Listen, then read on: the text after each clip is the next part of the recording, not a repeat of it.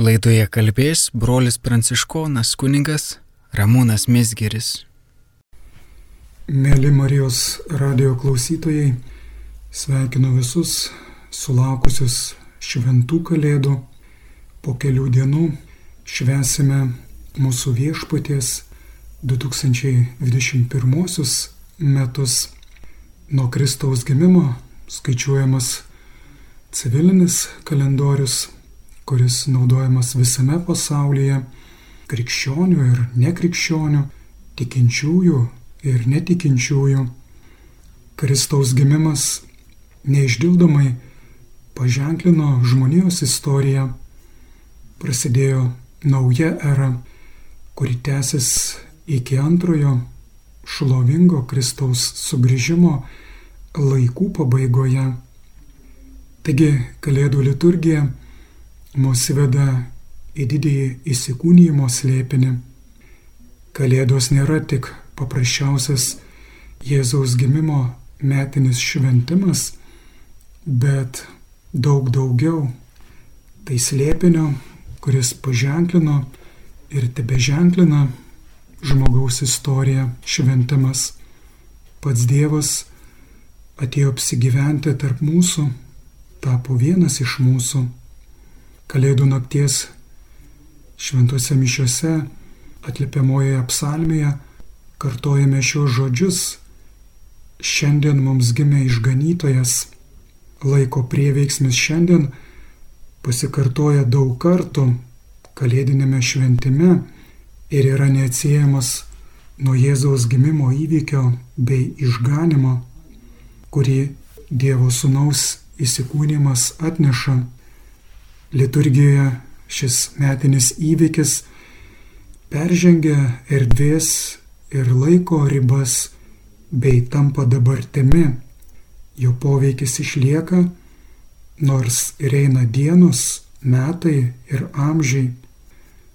Nurodydama, jog Jėzus gimsta šiandien, liturgija nevartoja žodžių be prasmės, bet pabrėžia, kad šis gimimas apriepia ir persmelkia visą istoriją, išlieka tikrovė taip pat šiandien, išlieka tikrovė, kurią galime pasiekti būtent liturginiuose šventimuose, ypač šventosiuose mišiuose.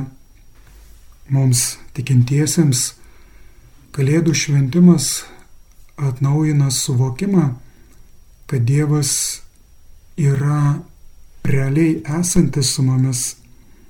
Dievas tame kūdikėje, gimusime Betlyjuje, prisertino prie žmogaus. Mes galime jį sutikti dabar, šiandienoje, kuri nesibaigia atejus vakarui. Antrąjį sekmadienį po Kalėdų skaitome iškilmingą Jono Evangelijos prologą. Šis Evangelijos skaitinys nuo seniausių laikų priklauso Kalėdų liturgijoje, nes jame yra sakinys, kuriuo nurodomas mūsų džiaugsmo pagrindas, tikrasis šventės turinys. Tas žodis tapo kūnu ir gyveno tarp mūsų. Graikų kalbos žodis logos dažniausiai verčiamas kaip žodis, Tačiau jis reiškia ne tik ištartą žodį, bet ir už jo slipinčią idėją, mintį, prasme. Kodėl žodis tapo kūnu?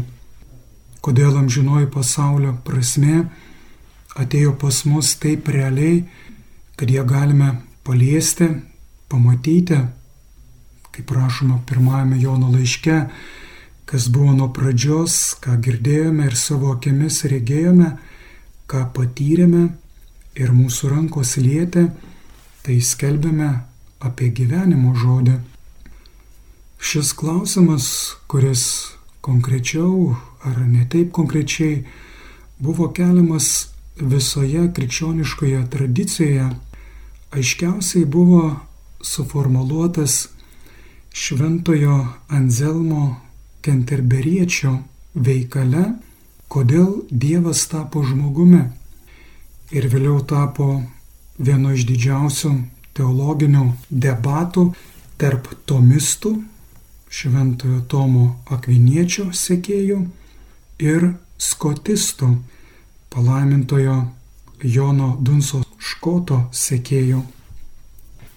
Anzelmas Kenterberietis, gyvenęs XI amžiaus pabaigoje ir XII amžiaus pradžioje, teigia, jog nuodėmingai žmonijai atpirkti reikia, kad Dievo teisingumas būtų įvykdytas.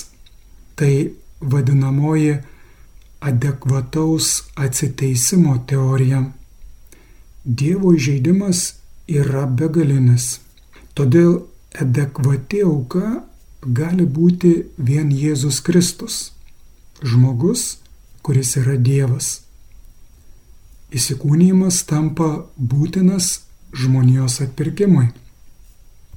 Šis teiginys suponavo kerštingo, baudžiančio Dievo paveikslą bei juridinę išganimo slėpinio sampratą, tarsi būtų reikėję numaldyti pykstantį Dievą, o tai visiškai nepanašu į Naujojo testamento žinę, kur atpirkimas iš esmės pasirodo kaip Dievo begalinės meilės slėpinys.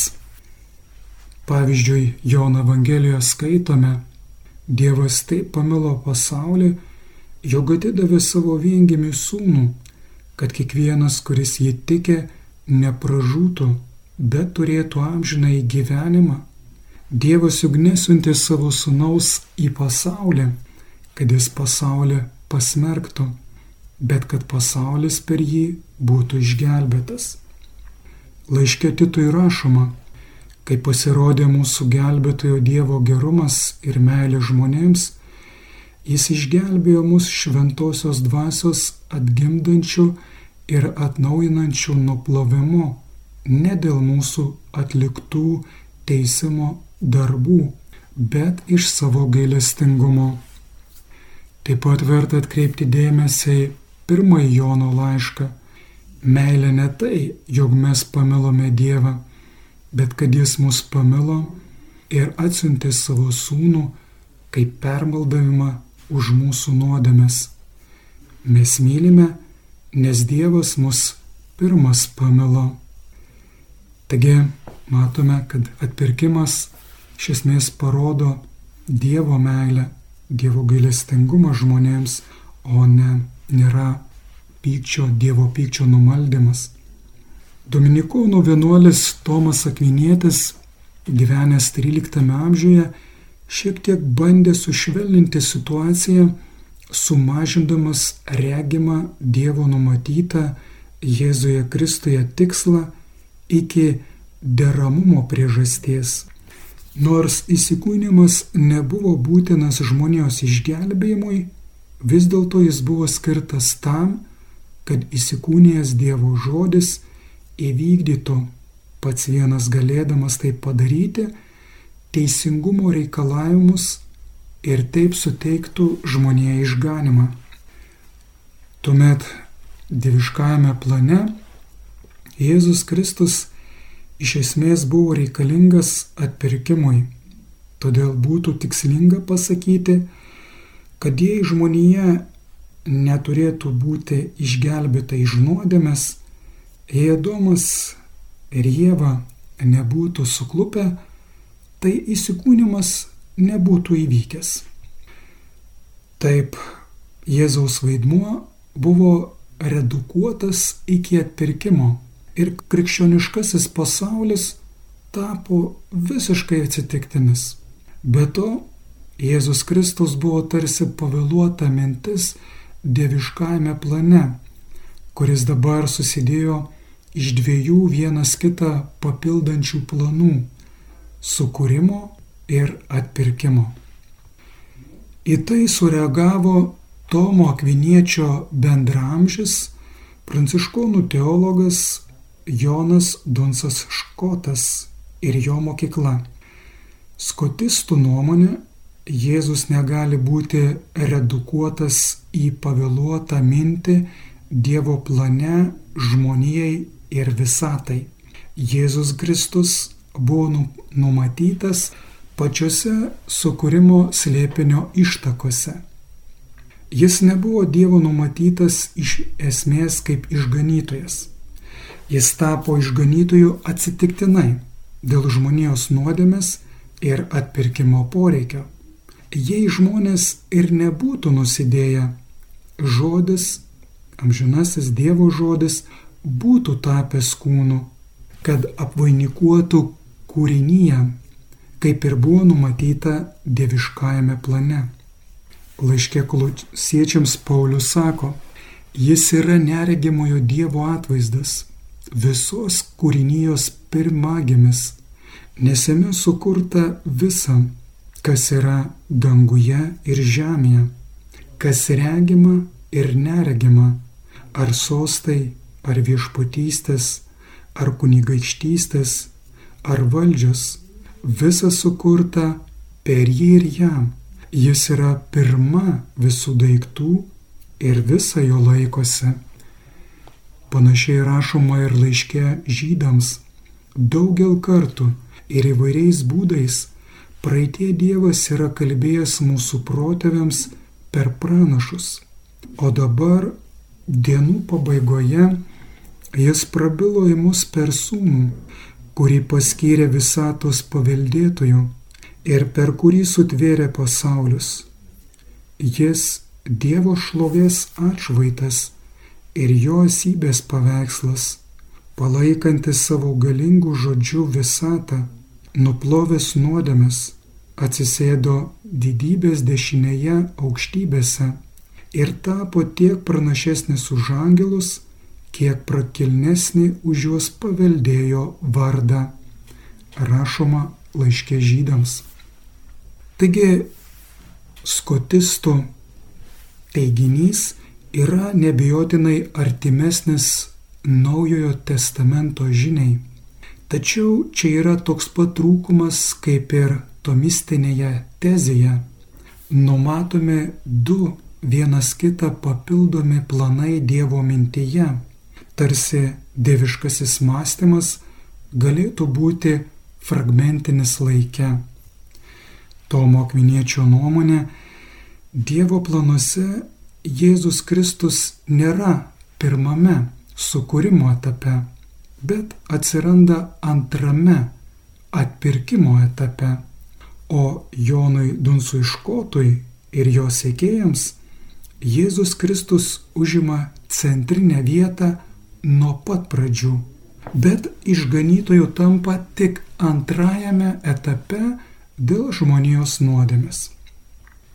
Šių dienų teologija atsigrėždama į biblinę ir patristinė tradicija papildo viduramžių mąstytojus. Tikroji Dievo intencija Jėzuje Kristuje yra įlieti dieviškojo gyvenimo dovaną į žmonijos tapatybę taip giliai, kaip tik įmanoma, į pačią žmonijos prigimtę, kad ji galėtų dalyvauti dieviškoje tapatybėje nesant jokio reikalo išskirti vienas po kito einančius dieviškojo plano momentus. Visiškas trivienio Dievo atsiskleidimas žmonijai slypi asmeniškame paties Dievo įsiterpime į žmonių šeimą ir istoriją. Jėzus Kristus iš tiesų padarė Dievą mums pasiekiamą kartu dovanodamas mums patį dieviškai gyvenimą mūsų pačių lygmenių. Dievas ieškojo mūsų tuo pačiu lygmeniu, kuriame ir mes buvome. Jis užkalbino mus suprantamu, žmogišku būdu, nes dieviškasis žodis, tapęs vienu iš mūsų, išreiškė save žmogiškaisiais žodžiais. Taigi pirmoji įsikūnymo priežastis yra ne nuodėme, bet įsūnyjimas. O pačiame įsūnyjime esminis yra ne pats atpirkimas, bet sudėvinimas. Antrajame Petro laiške rašoma, jis mums padovanojo ir brangius bei didžius pažadus, kad per juos taptume dieviškosios prigimties dalininkais. Taigi, būdamas Dievo sūnus, Jėzus atėjo tapti žmogaus sūnumi ir suteikti mums, žmonių vaikams, galimybę tapti Dievo vaikais. Graikų bažnyčios tėvai dažnai kartodavo, Dievas tapo žmogumi, kad mes būtume sudėvinti. Tai ne žmogaus tapimas Dievu, bet žmogaus supanašėjimas su Dievo sūnumi. Šventasis Kirilas Aleksandrietis, gyvenęs penktame amžiuje, paaiškina, panašiai kaip niekas nevadina ugnimi įkaitintos geležies, nors jie ir turi ugnies galę, kadangi yra jos įkaitinta. Taigi, nuostabus Jėzuje Kristuje Dievo ir žmonijos mainai, apie kuriuos kalba bažnyčios tėvai, reikalavo, kad Dievas pirmiausiai nužengtų pas mus Jėzuje, kad jame Dievas galėtų mus išaukštinti iki dieviškumo, kad visa būtų atbaigta ir perkeista į meilę. Įsikūnimas yra didžiausio Dievo dovana žmonijai savęs atidavimas. Laiškė romiečiams Paulius rašo, Dievo meilė išlieta mūsų širdise šventosios dvasios, kuri mums duota, taigi Dievo savidava. Taip pat pirmajame Jono laiške rašoma, Dievo meilė pasireiškia mums tuo, jog Dievas atsiuntė į pasaulį savo viengimi sūnų, kad mes gyventume per jį žodis pasireiškia, vėl atskleidžia Dievo savęs atidavimą, dovanojimą žmonijai. Įsikūnėjimo pagrindinė žinia skelbia, jog neregimasis Dievas įžengė į regimą pasaulį, tam, kad mes, kurie esame susėti su materialiu pasauliu, galėtume jį atpažinti, suprasti ir pamilti. Dievas atsiskleidžia žmonijai asmenišku paties įsiterpimu į žmonių šeimą ir istoriją. Jėzus Kristus iš tiesų padarė Dievą mums pasiekiamą, kartu dovanodamas mums patį dieviškai gyvenimą mūsų pačių lygmenių. Dievas nesikeičia, jis nuo amžių ir per amžius yra meilė. Jis kaip toks yra bendrystė, vienybė trejybėje, o visi jo darbai ir žodžiai krypsta į bendrystę. Įsikūnymas yra kūrinijos viršūnė. Jėzui, žmogumi tapusiam Dievo sūnui, tėvo valia ir šventosios dvasios veikimu, prasidėjus Marijos iščiose, kūrinėje pasiekė savo viršūnę. Visatą tvarkantis pradas, logos pradėjo egzistuoti pasaulyje, laike ir erdvėje. Pirmutinė žmogaus patirtis, kad Dievas yra be galo didis ir labai mus pranoksta. Atstumas atrodo begalinis. Bet Dievas, kuris gyvena aukštybėse, pasilenkė. Juk nieko negali būti iškiliau, didingiau už meilę, kuri pasilenkė nusileidžia žemyn, pasidaro priklausoma. Kas yra kaip viešpats mūsų Dievas, kuris sėdi aukštybėse, bet lenkėsi pamatyti, kas žemai danguje ir žemėje. Taip gėda Izraelis vienoje iš savo psalmių, kur sėkiu aukština Dievo didybę ir jo geranorišką artumą mums žmonėms. Dievas gyvena aukštybėse bet pasilenkia.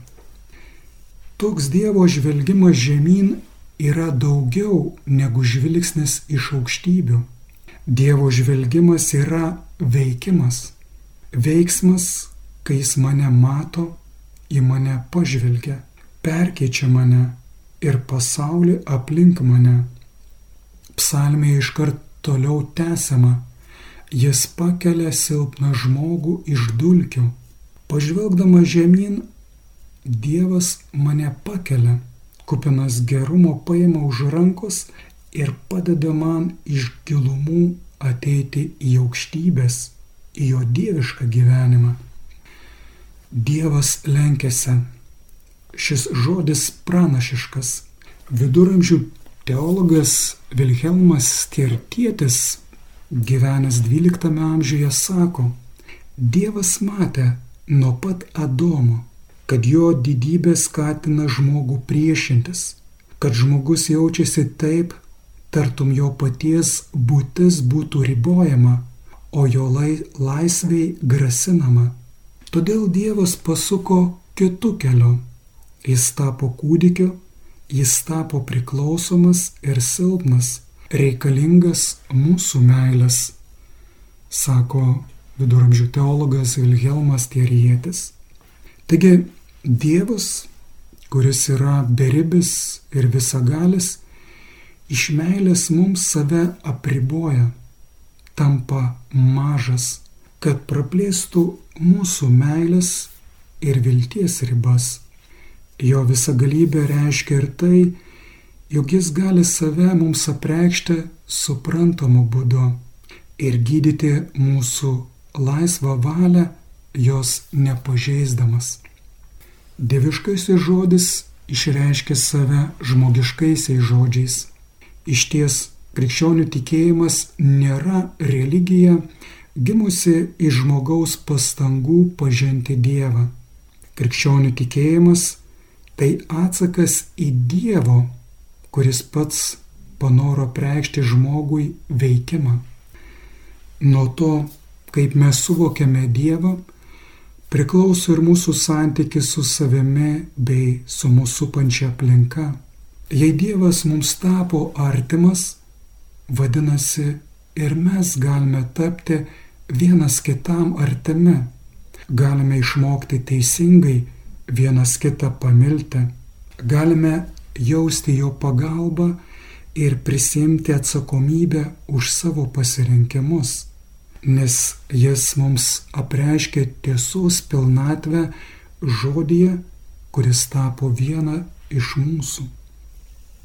O jei Dievas negali būti mums suprantamas, artimas, tada jis yra tolimas, nežinomasis, nublokštas į šalį po didžiojo visatos sprogimo.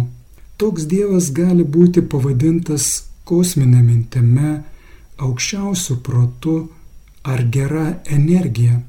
Tačiau toks Dievas tampa beveidžių Dievu, visiškai abejingu tam, kas vyksta žmogaus gyvenime. Toks Dievas iš pirmo žvilgsnio labai priimtinas, nes kiekvienas žmogus jį gali susikonstruoti pagal savo įgeidžius ar fantazijas.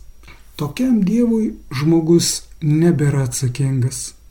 Žmogus pats tada pradeda manipuliuoti gyvenimu, eksperimentuoti gyvybę, žodžiu atsistoja į Dievo vietą, nes pastarasis labai toli ir gana miglotai atrodo, dinksta atsakomybė, silpsta vidinė moralinė jėga, nejučia pasirenkamas tuščias humaniškumas, vedantis į aklavietę. Šių dienų filosofai ir išminčiai dažnai sako, jog Dievas yra absoliutas, visiškai kitoks, be galo didingas. Mums jo niekaip neįmanoma suprasti. Žinoma, Dievo mes iki galo nesuprasime, tačiau sakydami ir nurodydami jam, ką jis gali ir ko negali, vis tiek prie jo niekiek nepriartėjame, bet dar labiau nutolstame.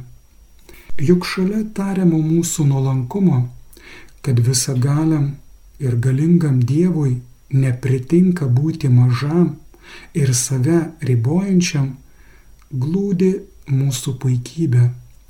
Noras, kad jis būtų kuo toliau ir nesikištų į mūsų gyvenimą, į mūsų pačių kuriamą ateities progresą, kabutėse ateities progresą.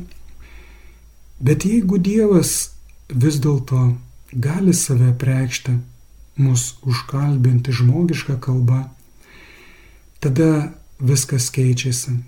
Tada iš tiesų esame jam svarbus ir reikalingi, kad prisidėtume prie begalinės meilės kūrybos pagal jo valią. Tada iš ties mes dalyvaujame jo dieviškame gyvenime, esame jo vaikai. Girdėjome brolio pranciškono kunigo Ramūno Misgirio katechezė tema Kodėl Dievas tapo žmogumi.